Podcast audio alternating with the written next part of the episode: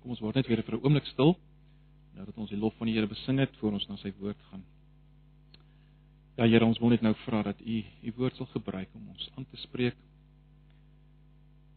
Deur die werking van die Gees te bemoedig, te versterk.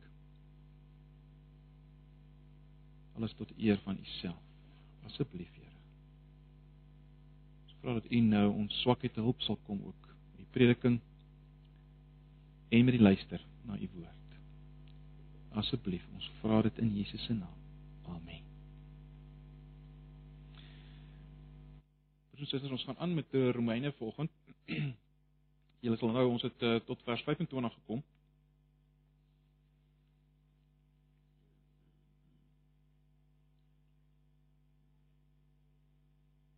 Kom ons lees Romeine 8 vers 26 tot 30 saam. Ek gaan die 53 vertaling maar lees. Ehm um, daar's nie vreeslike verskille nie, die wat wel daar is uh sal duidelik word. Romeine 8 vers 26 en net so kom op die Gees ons swakhede te help want ons weet nie reg wat ons moet bid nie maar die Gees self tree vir ons in met onuitspreeklike sigtinge. En hy wat die harte deursoek weet wat die bedoeling van die Gees is omdat hy ooreenkomstig die wil van God vir die heiliges intree. En ons weet dat vir hulle wat God liefhet, alles ten goeie meewerk vir hulle wat na sy voorneme geroep is. Want die wat hy van tevore geken het, dit het hy ook van tevore verordeneer om gelykvormig te wees aan die beeld van sy seun, sodat hy die eerstgeborene kan wees onder baie broeders. En die wat hy van tevore verordeneer het, het hy ook geroep, en die wat hy geroep het, het hy ook geregverdig. En die wat hy geregverdig het, die het hy ook verheerlik. Dis net so ver.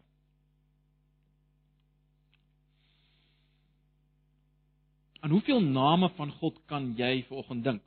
Miskien jy dink jy, maar dis is 'n bietjie van 'n snaakse vraag, want natuurlik is die die eintlike naam van God is die Here, Jahwe, soos ons dit veral in die, in die Ou Testament kry. Maar dit is ook so dat daar na God op verskillende maniere verwys word. Mens dink aan die Almagtige die heilige van Israel. Die Here van die leerskare of Jawe van die leerskare.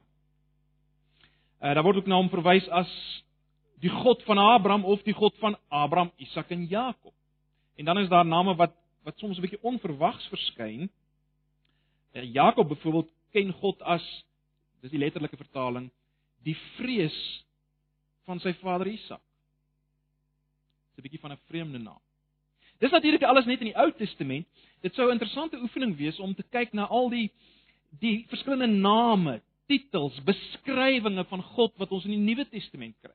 Uh in die Johannes Evangelie verwys Jesus byvoorbeeld dikwels na God in terme van sy eie missie. Hy praat van die Vader wat my gestuur het. Vader wat my gestuur het. En dan in die boek Romeine waarmee ons besig is, is daar byvoorbeeld al verwys na God as die een wat Jesus uit die dood opgewek het. Die een wat Jesus uit die dood opgewek het. Byvoorbeeld in Hoofstuk 4 vers 24 en ook in Hoofstuk 8 vers 11. In die gedeelte wat ons vanoggend gelees het, ek weet nie of julle dit raak gesien het. Is daar net so kragtige en geheimenisvolle titel. Hy wat die harte deursoek. Julle het dit raak gesien. Of dan as jy die 83 vertaling het, die God wat die harte deursoek. Hy wat die harte deursoek. Maar voordat ons verder spesifiek daarna gaan kyk, uh en hoe dit inpas in hierdie gedeelte, kom ek herinner julle net weer wat ons kry in Romeine 8 vanaf vers 18 tot 30. Dis die groot onderafdeling waarmee ons op die oomblik besig is. Ek wil hê ons moet kyk hoe pas vers 26 tot 30 in in hoofstuk 8 vers 18 tot 30. Julle sal onthou in hoofstuk 5 begin Paulus 'n nuwe groot onderafdeling van Romeine. In Romeine 5 in daai eerste verse sal julle onthou, uh verwys Paulus na die hoop wat ons het op die heerlikheid wat kom en hy hy, hy wys dat ons uiteindelik finaal verlos gaan word. Dis waarvan hy praat daar in hoofstuk 5. En as ons kom nou in hoofstuk 8, dan praat Paulus weer van van hierdie heerlikheid wat wag, die hoop wat ons het en hy wys weer eens dat ons finaal ook uiteindelik verlos gaan word. Die die die onmiddellike vers wat aanleiding gee of die of of as jy wil die onmiddellike stimulus vir wat hy hier skryf in vers 18 tot 30, kry mens in vers 17 van Romeine 8. As jy net vinnig daar kyk waar Paulus uh, die Christene herinner dat ons moet deel in Christus se lyding as ons wil deel in sy heerlikheid. En daarom kan mens sê die hele tema van hoofstuk 8 vers 18 tot 30 is die Christen se toekomstige heerlikheid, die heerlikheid wat nog gaan kom. So mens kan sê hierdie hierdie hele gedeelte, hierdie onderafdeling begin met die heerlikheid wat aan ons gaan geopenbaar word vers 18 en dit eindig dan vers 30 weer met die wat hy geregverdig het, die het hy ook baie interessant verlede tyd verheerlik. So baie duidelik, die tema gaan oor die verheerliking van ons as gelowiges en tussen hierdie twee verse, tussen vers 18 en 30, maak Paulus twee basiese uh punte omtrent hierdie heerlikheid. En na die eerste punt het ons twee Sondae gelede gekyk. Die eerste punt is dit: Hierdie heerlikheid is die klimaks van God se plan vir sy mense en vir die skepping in die algemeen. Ons onthou ons gekyk na die na die skepping wat met reikhalsende verlange uitsien. Na hierdie dag wanneer wanneer ons as nuwe mense sal heers oor 'n nuwe skepping. Uh, terloops die die heerlikheid, onthou julle wanneer ons ons het daarna gekyk, die heerlikheid wat vir ons wag is om saam met Jesus te regeer oor 'n nuwe skepping sodat daardie skepping tot sy volle potensiaal kan kom. Dis dis waarop ons wag. Ons wag nie om rond te sweef iewers nie. Dis waarop ons wag. Maar goed, ons het daarna gekyk. So dis die eerste basiese punt omtrent die heerlikheid. Dis die klimaks van God se plan. En dan die tweede basiese punt en dis wat ons nou vanoggend as te ware onder die loep gaan neem. Die tweede punt is dit: God voorsien vir ons wat ons nodig het, want let wel, uh ons het nog nie daai klimaks bereik nie, né, nee, ons weet dit. En en ons moet nou geduldig daarvoor wag. Ons is in geboortepyne saam met die skepping, ons wag daarop. En nou die tweede punt is dit, God voorsien. God self voorsien wat ons nodig het in hierdie tyd waarin ons nou wag op hierdie heerlikheid wat gaan kom. God voorsien wat ons nodig het. Hoe voorsien hy? Dis waarna ons volgens gaan kyk. Eerstens, die Gees help ons om te bid vers 26 en 27. En in die tweede plek God laat alles ten goeie meewerk in hierdie tyd. Alles wat in hierdie tyd gebeur, hierdie tyd van wag. God laat dit ten goeie meewerk vir ons wat volgens sy onvernietigbare plan waarvan hy praat in vers 29 tot 30 geroep is. So dis waarna ons gaan kyk. Kom ons kom ons kom nader daaraan. Kom ons kyk na die eerste ding wat God voorsien in hierdie tyd waarin ons wag en dit is die Gees wat ons help om te bid. En die beskrywing van God waarna ons nou net verwys het, kom hiervoor in vers 26 en 27. God is die een wat die harte deursoek. God die een wat die harte deursoek. Geweldig. God is die een wat die harte deursoek in hierdie tyd waarin ons in afwagting is op die heerlikheid wat kom, hierdie tyd waarin ons in geboortepyne is. Nou dis 'n bietjie van 'n ongemaklike idee. God wat die harte deursoek. Dis 'n bietjie van 'n ongemaklike idee aan die een kant, maar is opwindend aan die ander kant. Julle sal weet Paulus het al reeds in Romeine in hoofstuk 2 vers 16 gesê dat God uiteindelik die een is wat die geheime sal beoordeel. Die menslike geheime sal beoordeel. Hy het dit ook uh, uh, duidelik gemaak dat God lof gereed maak vir die Jood wat dit in die geheimes nie die een wat dit bloot uiterlik is nie. Daar in vers in hoofstuk 2 vers 29 het het Paulus daaroor gepraat. Maar nou gaan nou gaan Paulus 'n stap verder hier in Romeine 8 vers 7.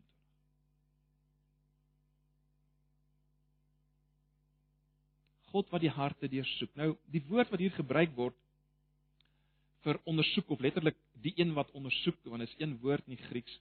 Uh die woord suggereer iemand wat 'n fakkel aansteek of in ons konteks 'n flits aansteek en en deur 'n groot vertrek vol voorwerpe beweeg op soek na iets spesifieks.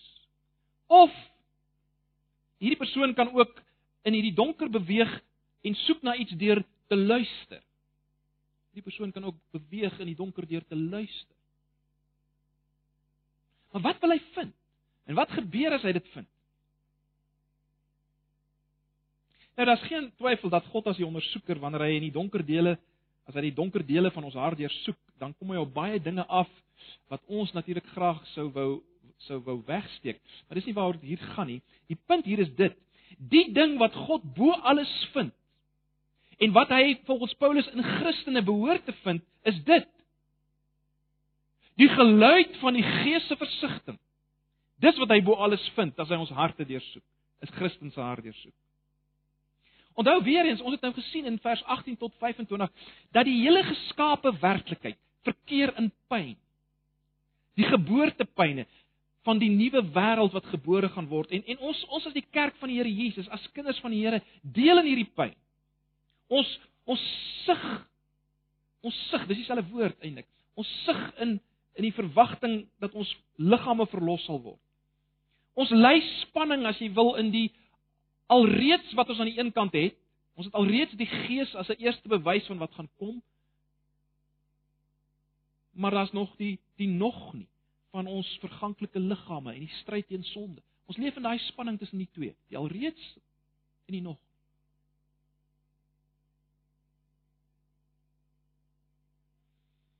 Ek sê weer ons is deel van die pyn van die hele geskape werklikheid.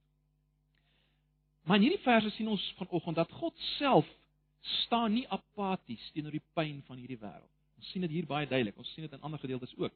Maar ons sien hier dat God kom woon in die midde daarvan in die persoon en die krag van die Gees. Paulus se verstaan van die Gees is is nogal nie intreffend hier, né? Paulus kom wys dat die oomblik as ons sukkel om te bid. As ons geen idee het waarvoor ons moet bid nie, as gevolg van ons swakheid, En die swakheid hier het te maak met hierdie hele toestand wat waarin ons is nog voordat ons verheerlik is. Dis dis dis 'n toestand van swakheid, beskryf Paulus dit. As ons nie weet wat om te bid nie, waarvoor ons moet bid nie. Dis juis op daardie punt waar die Gees die duidelikste aan die werk is. En dis fascinerend, is dit nie? Ons sal geneig wees om te sê, as jy nie weet wat om te bid nie, wel eh, dan is jy dalk nie 'n Christen nie, jy dalk nie die Gees nie. Paulus sê nee. Juis op daardie punt waar die Gees die duidelikste aan die werk is. Die Gees roep as te ware uit ons uit en let wel, die Gees roep uit ons uit nie met geartikuleerde woorde nie. Want dit sou beteken ons is al bevry van die die swakheid en hierdie tyd van swaar kry en lyding. Maar dis nog nie, dis nog nie tyd daarvoor nie, né? Ons is nog nie reg vir verligting nie.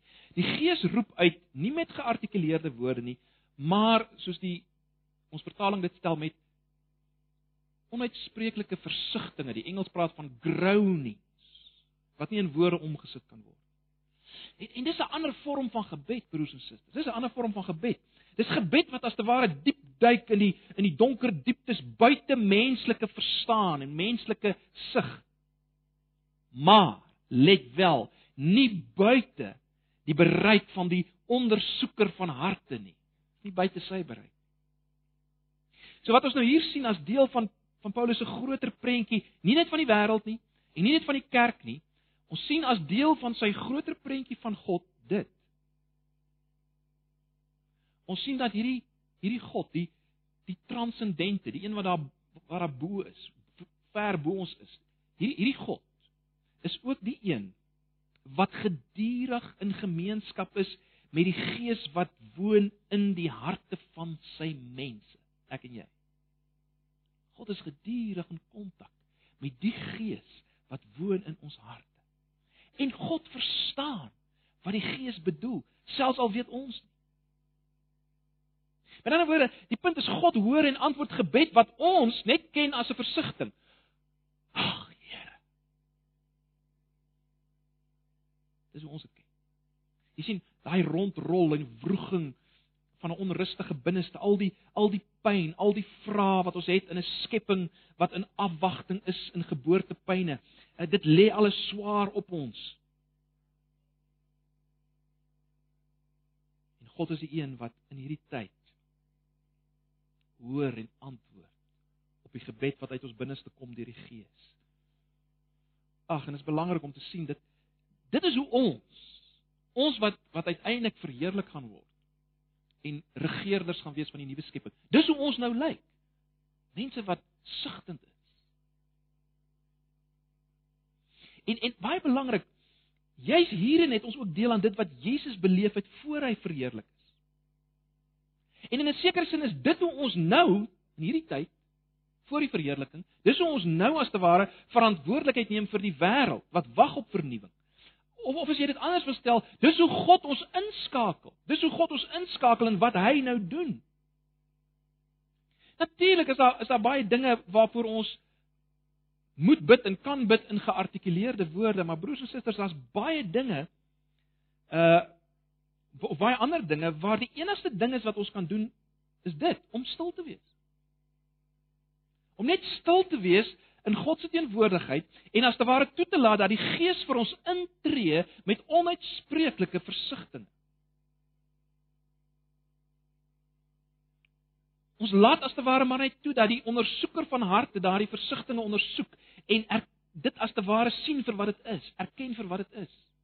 En baie belangrik, deel van wat dit is, en dis baie belangrik. Deel van wat hy sien. Hy sien dat ons deel het aan Jesus se lyding voor hy verheerlik is. En dis natuurlik in sigself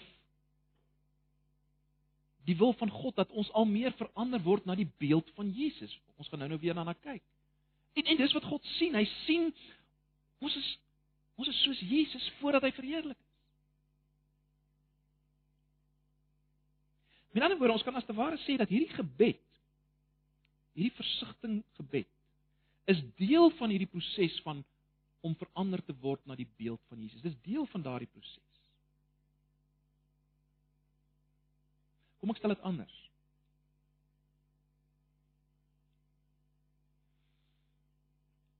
As hierdie tipe gebed iets is wat in jou aanwesig is, dan kan jy weet dat jy deel het aan die belofte wat nou kom in vers 28. Jy kan weet dat alles ten goeie meewerk want Hierdie gebed wys dat jy een is van die wat God liefhet. Want onthou julle in hoofstuk 5 vers 5 het ons gesien dat die liefde van God is in ons harte uitgestort deur hierdie Gees. So as hierdie Gees met versigtiging vir ons intree, dan kan ek weet ek is ek is een van God se kinders, die wat God liefhet. So jy kan sien hoe pas vers 26 en 27 in by vers 28, né? Nee. Hierdie gebed wys as te waar ons is deel van die wat God liefhet. Die in wie se harte God se liefde deur die Gees uitgestort is. En dit bring ons nou by vers 28. Die feit dat God in hierdie wagtyd alles ten goeie laat meewerk vir sy mense. Nou ons ken hierdie belofte in vers 28 baie goed. Vir hulle wat God liefhet, werk alles mee ten goeie. Baie belangrik, onthou nou die frase hulle wat God liefhet verwys bloot na die mense van wie ons die hele tyd nog praat, die kinders van God. Uh dwars deur die Nuwe Testament word kinders van God so beskryf as mense as die wat God liefhet. 1 Korintiërs 2 vers 9 uh Efesiërs 6 vers 24 en so meer. So baie belangrik, hier's nie weer sprake van 'n spesiale groep ouens nie. Die wat God liefhet, is nou 'n spesiale groep Christene hier's ook nie 'n soort van 'n voorwaarde. Jy moet eers uh, God regtig lief hê, dan sal dinge ten goeie vir jou meewerk nie. Dis nie waaroor dit hier gaan nie. Dit gaan oor Christene hier, is 'n belofte vir alle Christene, alle Christene wat deel het aan die geboortepyne. En die belofte is dat God is met ons in hierdie geboortepyne en hy laat dit ten goeie meewerk. Kom ons dink net vir 'n oomblik oor hierdie alles werk ten goeie mee. Kom ons dink net vir 'n oomblik oor hierdie frase. Nou, sommige Engelse vertalings vertaal dit met God works for the good. Maar eh, in die finale instansie maak die vertaling nie so vers, verskil nie want ons weet dat dit God is wat alle dinge ten goeie laat meewerk. Alle dinge werk nie op hulle eie nie, né? Met ander woorde, daar is nie eh, 'n uh, soort van 'n onpersoonlike beginsel wat aan die werk is in die wêreld nie. Dis God wat oral aan die werk is. Dis baie belangrik. Dis God wat oral in die werk is. Die Bybel leer dat God nie net alle dinge gemaak het nie, hy onderhou ook alle dinge. Jy sien die die heelal werk nie outomaties nie. Die heelal is nie soos 'n horlosie wat God opgewen het en nou laat hy dit maar net rustig afloop nie. Nee, die heelal is steeds onder die beheer van God deur Jesus Christus. Dis baie belangrik. Jy sien as jy vanoggend glo dat alles maar op sy eie werk met so 'n paar misterieuse misterieuse beginsels tussenin. Wel dan dan sal jy nie in staat wees om 'n verskil te sien tussen die goddelose en die Christen nie. Om die waarheid te sê, jy sal dalk tot die konklusie kom dat dat die goddelose die gunsteling is dat dinge meer vir hulle goed uitwerk, want dit lyk so op die oppervlak. En inderdaad, as die as die heelal outomaties gewerk het, sou daar geen verskil wees met wat gebeur met die Christen en wat gebeur met die nie-Christen nie. Hulle sou absoluut gelyk wees. Maar dank God, hierdie stelling maak dit baie duidelik. Daar is 'n wonderlike verskil. Daar is 'n wonderlike verskil tussen die wat God liefhet en nie. Daar is 'n wonderlike verskil tussen die Christen en die nie-Christen. Miskien moet ek liewer sê die wat Jesus volg en die wat Jesus nie volg. Want Christen het so term geword wat gebruik word vir enige een. Maar kom ons kom ons beweeg nog nader aan hierdie stelling. Want dis een van die heerlikste dinge wat ons omtrent onsself kan weet as Christen, is dit nie? So ek wil hê jy moet hierdie vraag vir jou vra voor ons voor ons nog verder gaan. Weet ek vanoggend soos Paulus? Luister mooi. Weet ek vanoggend soos Paulus dat alles alles ten goeie meewerk vir my? Weet ek dat God alle dinge in die kosmos deurkruis en beweeg my ten goeie? Dis die vraag. Dis geweldig, is dit? Broers en susters, as ons dit weet, as ons dit vat en en en, en baie van ons wil dit nie vat nie. Ons sukkel om dit te vat en ek sluit myself daarbey in. As ons dit vat dan dan, dan kan ons nie werklik depressief wees nie, is dit? Ek meen, jy kan nie hierdie waarheid weet en terselfdertyd te neergedruk wees nie. Dis dis eintlik wederzijds uitsluitlik. Die probleem is ons vat dit nie, ons wil dit nie vat nie, né? Nee. Dis uiters prakties hierdie stelling. Dit dis nie dooie teologie nie, dis uiters prakties. Nou goed, kom ons kom ons dink net vir 'n oomblik oor hierdie alle dinge. Wat beteken dit? Wel, ek dink ons moet dit vat op sigwaarde. Alle dinge beteken regtig alle dinge. Met ander woorde, ingesluit is goeie dinge, slegte dinge, versoekings, beproewings, moeilikhede, siekte, ongelukke, teleurstellings, mislukkinge en moet ek sê self sonde is alle dinge waarvan jy gepraat het. Alle dinge. Maar baie belangrik.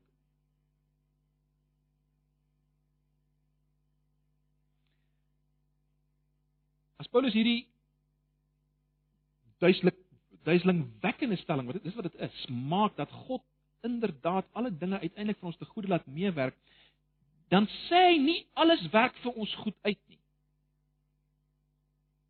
In ander woorde, alles draai uiteindelik maar goed uit. Jy weet, ag nee wat, ons kan maar sê nee, jy weet dit sal môre beter gaan. Uh dit is dis is so erg nie, weet jy. Dit dis nie wat hierdie vers sê. Dit kan haglik sleg gaan met ons. Vers 29 sê wat Paulus bedoel met die ten goeie meewerk, né? Nee.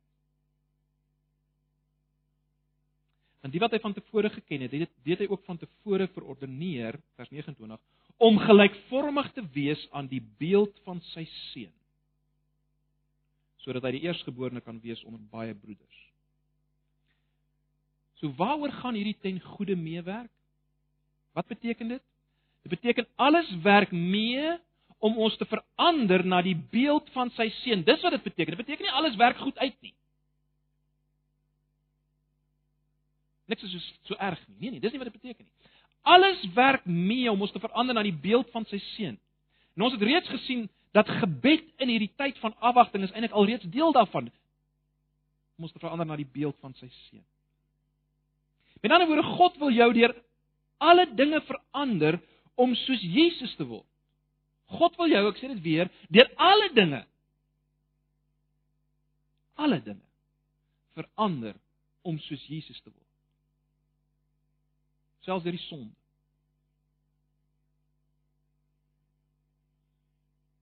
Eerstens wil hy dit doen hier en nou op aarde soos Jesus op aarde was. Hoe was Jesus op aarde? Wel hy hy was ten diepste iemand wat op aarde niks sonder die Vader gedoen het nie. Hy het altyd die Vader behaag, hy het altyd sy wil gedoen. Hy was 'n man van smarte, bekend met krankheid, maar iemand wat terselfdertyd kom ons noem dit 'n heerlikheid openbaar het te midde van hierdie dinge. Hy kon deurkyk na dit wat kom en daarom kon hy in sy eie grootste smarte kon hy lief wees vir mense rondom hom omgee. Genesing en heling bring. Dis wat hy gedoen het toe hy op aarde was en en dis waarna toe God ons wil verander hier en nou al, om al meer soos Jesus te word. En hy gebruik alles. Maar aan die ander kant Jesus is nou volmaak in heerlikheid en in die laaste instansie en ons het alreeds daarna gekyk is God daarin op pad na ons met ons. En hy gebruik alles nou om ons ook reg te maak vir daardie dag wanneer ons saam met Jesus verheerlik sal wees en sal regeer oor 'n nuwe skepping. God gebruik alles. En broers en susters, dis waarmee God besig is elke dag in ons lewens. Elke dag in ons lewens, deur alles wat gebeur, is hy dis dis sy plan, dis waarmee hy op pad is nou met ons. Dis waarna toe alles beweeg. En baie belangrik weer eens, ek ek sê nie vir oggend dat alles wat met ons gebeur is in sigself goed nie. Nee, baie dinge wat met ons gebeur is verskriklik sleg. En van wat met ons gebeur, sekere dinge wat met ons gebeur is van die duiwel. Dit is nie in sigself goed nie, maar dit word uiteindelik deur God ingespan, deur God oorheers sodat dit meewerk om ons te verander na die beeld van sy seun. Ek het verwys na selfsonde wat meewerk net baie vinnig as mens dink aan die verhaal van die verlore seun.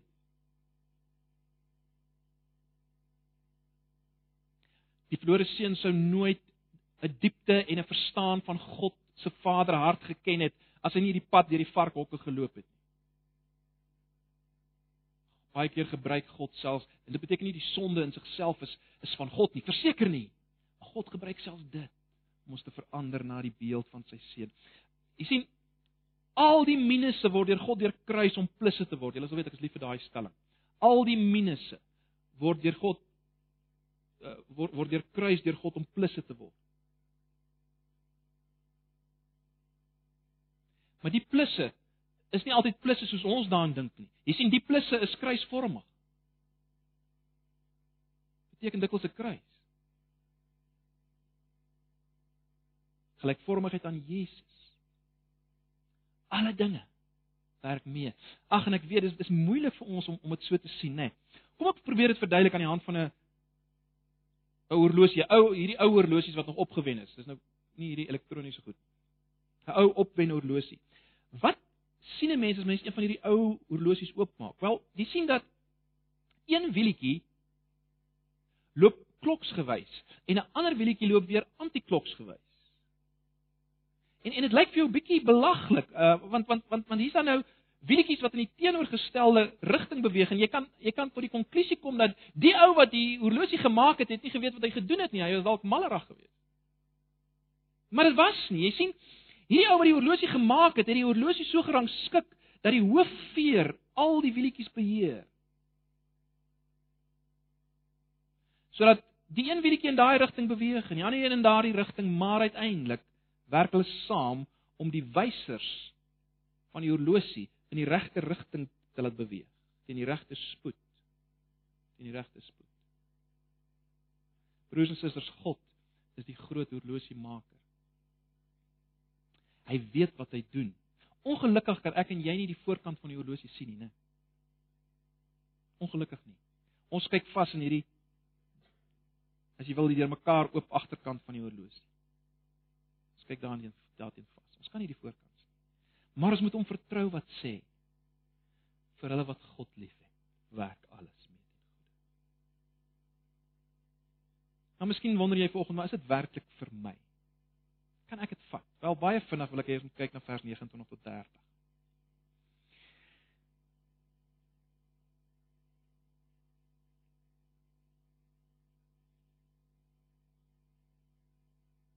Ek vers 28 alreeds. Ons begin alreeds in vers 28. In vers 28 praat God van die wat hy geroep het. Hy sê hy laat alles ten goeie meewerk vir die wat volgens sy besluit geroep is of na volgens sy voorneme geroep is. Dit is baie interessant dat Paulus hierdie woord geroep gebruik, né, nee, want dis die woord wat ons weet Abraham is geroep. En en Paulus sin speel heeltyd op Abraham deur die deur die hele boek Romeine dat ons ons 'n deel aan dit waaraan Abraham deel gehad het. Jy sien as jy geroep is, kan jy weet jy's 'n kind van Abraham en daarom kind van God. So die vraag wat jy volgens jouself moet afvra is, is ek geroep? Met ander woorde, om dit eenvoudig te stel, het God op 'n stadium in my lewe ingemeng? Ek wil nie eens met dit koppel aan een of ander spesifieke patroontjie hoe dinge gebeur nie, maar maar het God op 'n stadium in my lewe inge, ingemeng in so 'n mate dat dat ek kan sê hy het my geroep uit die plek waar ek was agter hom aan. Met ander woorde, nog anders gestel, is jy bewus vanoggend in 'n mindere of meerdere mate dat daar wel 'n nuwe beginsel in jou is? Hoe swak jy dit ook al mag ervaar, is daar 'n nuwe beginsel in jou? Is jy geroep? Want as jy geroep is, dan weet jy dis vir jou. Nou, ek weet vanoggend sal jy miskien wees van ons wat sê maar maar, maar Jakobus, ek het hom al so baie bedroef. Ek was al so baie ontrou. Hoe kan ek steeds weet alles werk ten goeie mee vir my? Het hy nie teen my gedraai nie? Wel As jy mooi kyk na vers 28, dan sien ons dat dat ons volgens God se besluit geroep is sien julle dit? Wie wat volgens sy besluit of sy voorneme geroep is. So, so die punt is dit broers en susters, God kyk nie rond na wie die beste presteer en dan besluit hy hierdie ouetjie bring regtig sy kant. Ek gaan dinge ten goeie vir hom laat meewerk. Dis nie hoe dit werk nie. God kyk nie rond en sê, "Hey, hierdie ou presteer regtig goed as Christen. Ek gaan vir hom dinge ten goeie laat meewerk." Nee nee. Luister.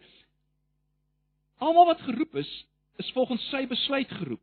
Vers 28 sy voorneme. Jy sien, 'n Christen is nie iemand wat homself aangemeld het en nou kan hy dit dalk nie maak nie. 'n Christen is nie iemand wat homself aangemeld het nie. Daar's geen menslike inisiatief hier nie. Alles begin met God. Jy het hom lief omdat hy jou eerste lief gehad het. Maar dis nie al nie. As ons verder gaan in vers 29 dan sien ons die die verlede tyd word heeltyd hier gebruik. Hy praat van hierdie mense wat hy so volgens sy voorneme geroep het, is ook die mense wat hy 53 vertaling van tevore geken het. Nou die die die die, die term hier van tevore geken het, moet ons moet dit nie sien as hy het net van altyd af geweet van ons. Die woord ken in die veral in die Ou Testament het altyd 'n konnotasie met met 'n uh, verhouding. So dit gaan dit gaan ten diepste hieroor. Luister mooi. God het 'n plan vir ons wat begin het in 'n besluit van sy kant. God het 'n plan vir ons wat begin het met 'n besluit van sy kant om in 'n verhouding met ons te tree. Dis wat bedoel word met die wat hy van tevore geken het. Die 83 vertaling vertaal dit met die wat hy verkies het. Die punt is dit: die wat volgens hierdie besluit van God eenkant gesit is, is eenkant gesit om soos Jesus te word. En dis ook hulle wat hy geroep het.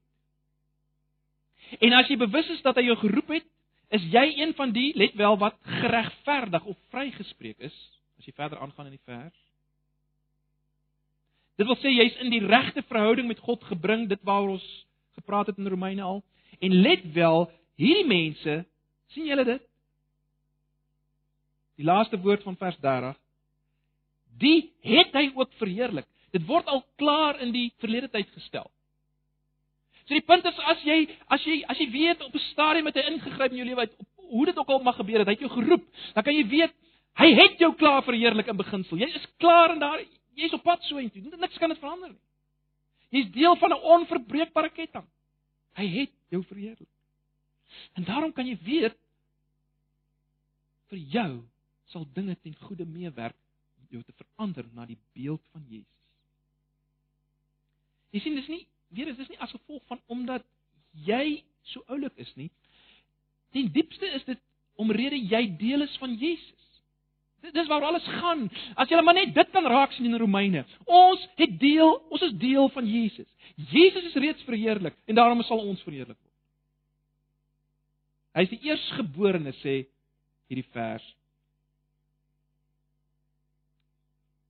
Onder baie broeders, vers 29 se einde. Hy's die eerstgeborene onder baie broeders. Hy hy hy het eers gestap. Ons stap presies die pad wat hy stap. Jy sien, dis die hele punt. Ons gaan nou deur swaar kry en lyding soos hy gegaan het. Oënskynlike Godverlatenheid, verwerping deur mense. Maar hy is verheerlik en ons is op pad so. Ag broers en susters.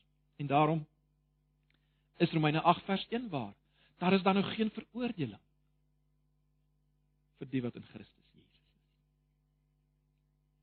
God is besig om ons voor te berei vir hierdie verheerliking. Onthou ek het gesê hierdie hele gedeelte gaan oor verheerliking. Dis waarna ons op pad is. En God is besig om ons voor te berei. En ja, hierdie voorbereiding vind nie altyd plaas as ons daarvan hou nie. Kom ek gebruik 'n beeld en ek, ek maak klaar daarmee. Ek ek het al die beeld gebruik. Ek, ek dink dink vir oomblik so daaraan 'n pa en ma wat 'n kind voorberei vir 'n partytjie. 'n Klein klein kindjie. Die kind weet nie regtig waaroor dit gaan nie. Hy weet ook nie hoe daai partytjie regtig gaan wees nie. Hy het geen begrip daarvan nie. En hy hy hy hy, hy mag selfs beleef dat sy pa en ma eintlik half teen hom is, nie lekker met hom is nie, want want sy ore word gewas van alle dinge. In sy hare en en hy word reggetrek en, en hy hou nie lekker daarvan nie. Maar jy sien die ouers weet wanneer hy op pad is. Die ouers weet hy's op pad na hierdie party. Iets daarvan, ag, dis maar net 'n beeld, né? Iets daarvan is waarmee God met ons besig is. Hy weet wat wag, die heerlikheid wat kom, wat ontsaglik is. Waar ons 'n ontsaglike rol gaan speel. En en hy's besig om ons voor te berei daarvoor. God weet dit. Hy kry ons reg vir daai bedeling wat gebore gaan word wanneer hierdie skepping se geboortepyne sy klimaks bereik het. En wie is hierdie God? Hy is die een wat die harte deursoek. Hy is die een wat die harte deursoek. Dis die God waarmee ons te doen het. Ag broers en susters. Mag die Here julle versterk deur deur hierdie woord vanoggend en en as jy vanoggend nog steeds twyfel, is dit vir my welkom gebruik die nagmaal. As kind van die Here, as jy vanoggend 'n kind van die Here is wat weet op 'n stadium het hy my geroep. Maar dalk sukkel jy met om dit te vat deur die geloof. Welkom, kom sien dit, kom ryk dit, kom proe dit. Dis waarvoor die nagmaal is om ons te versterk en te verseker jy deel aan Jesus, sy liggaam en sy bloed. En as jy deel het van hom, aan hom, dan sal jy verheerlik word. En niks kan dit omvergooi nie. Niks. Ons sal volgende Sondag sien hoe hy daarop klem lê. Niks kan skei van die liefde van God in Christus Jesus. Kom ons bid saam en dan gaan ek vra dat die diakens net die tafel gereed kry en dan gaan ons saam die nagmaal vier. Kom ons bid net saam. Ag Here, baie dankie vir hierdie woord en hierdie bemoediging en ek ek vra U, ek pleit U help ons om dit te kan vat en in die lig daarvan te kan lewe. Asseblief. Ons vra dit in Jesus se naam. Amen. Vader, die diakens net vir ons die tafel gereed het volbring.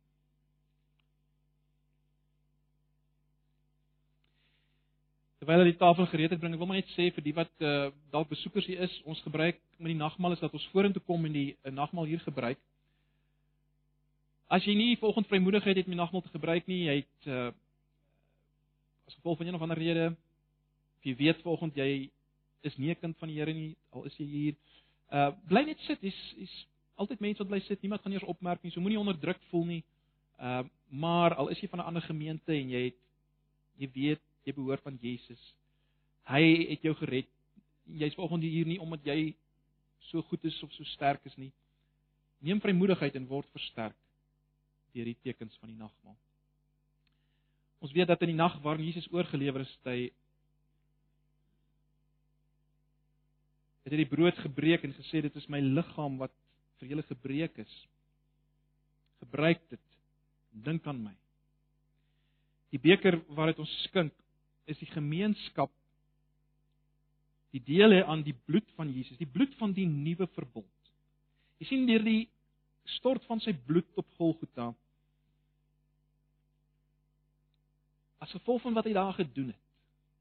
Sy plaasvervangende dood in ons plek, ons ongeregtigheid wat op hom gelaai is, ons wat sy liefde vir God en liefde vir mense ontvang. As gevolg daarvan kan ons nou in 'n verbondsverhouding. Nou 'n verbond is niks anders as 'n as 'n intieme verhouding is. Soos 'n huweliksverhouding kan ons staan met God. En as ons die beker gebruik dan dan dink ons daaraan. So proe dit, ryk dit en weet dat ons deel het aan die nuwe verbond. Ag en broers en susters, as ons dit gebruik in diepste dink ons aan Jesus se pad wat hy geloop het in ons plek. Sy hele pad van vernedering en verwerping in ons plek sodat ons verheerlik kan word soos hy nou is. So kom ons dink daaraan terwyl ons dit doen. En en as ons die die nagmaal vier, dis dis 'n vreugde 'n vreugdefees. Want ons is op pad na die finale vier daarvan saam met hom. Die die sogenaamde bruilofsmaaltyd van die lam. Dis waarna ons op pad is. So ons ons ons, ons kan met blydskap. Dis nie 'n droefgeestige geëet en gedrink nie, né? Nee. Ons kan dit vreugde dit doen. En net 'n laaste opmerking, dis natuurlik 'n gemeenskapsmaaltyd. Met ander woorde, ons het deel aan mekaar want ons weet ons is die liggaam. My broers en susters is het deel aan die liggaam van Jesus en ek het deel aan hulle, so ons vier dit saam met mekaar. En dis die hele gedagte hoekom ons dit saam gebruik en saam bid ook na die tyd want ons het ons saam die liggaam van Christus.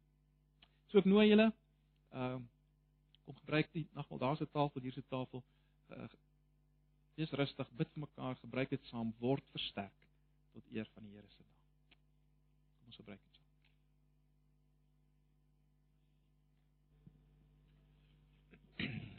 Mag nou die genade van ons Here Jesus en die liefde van God en die gemeenskap van hierdie Heilige Gees met ons wees en bly in hierdie dag en hierdie week. Amen.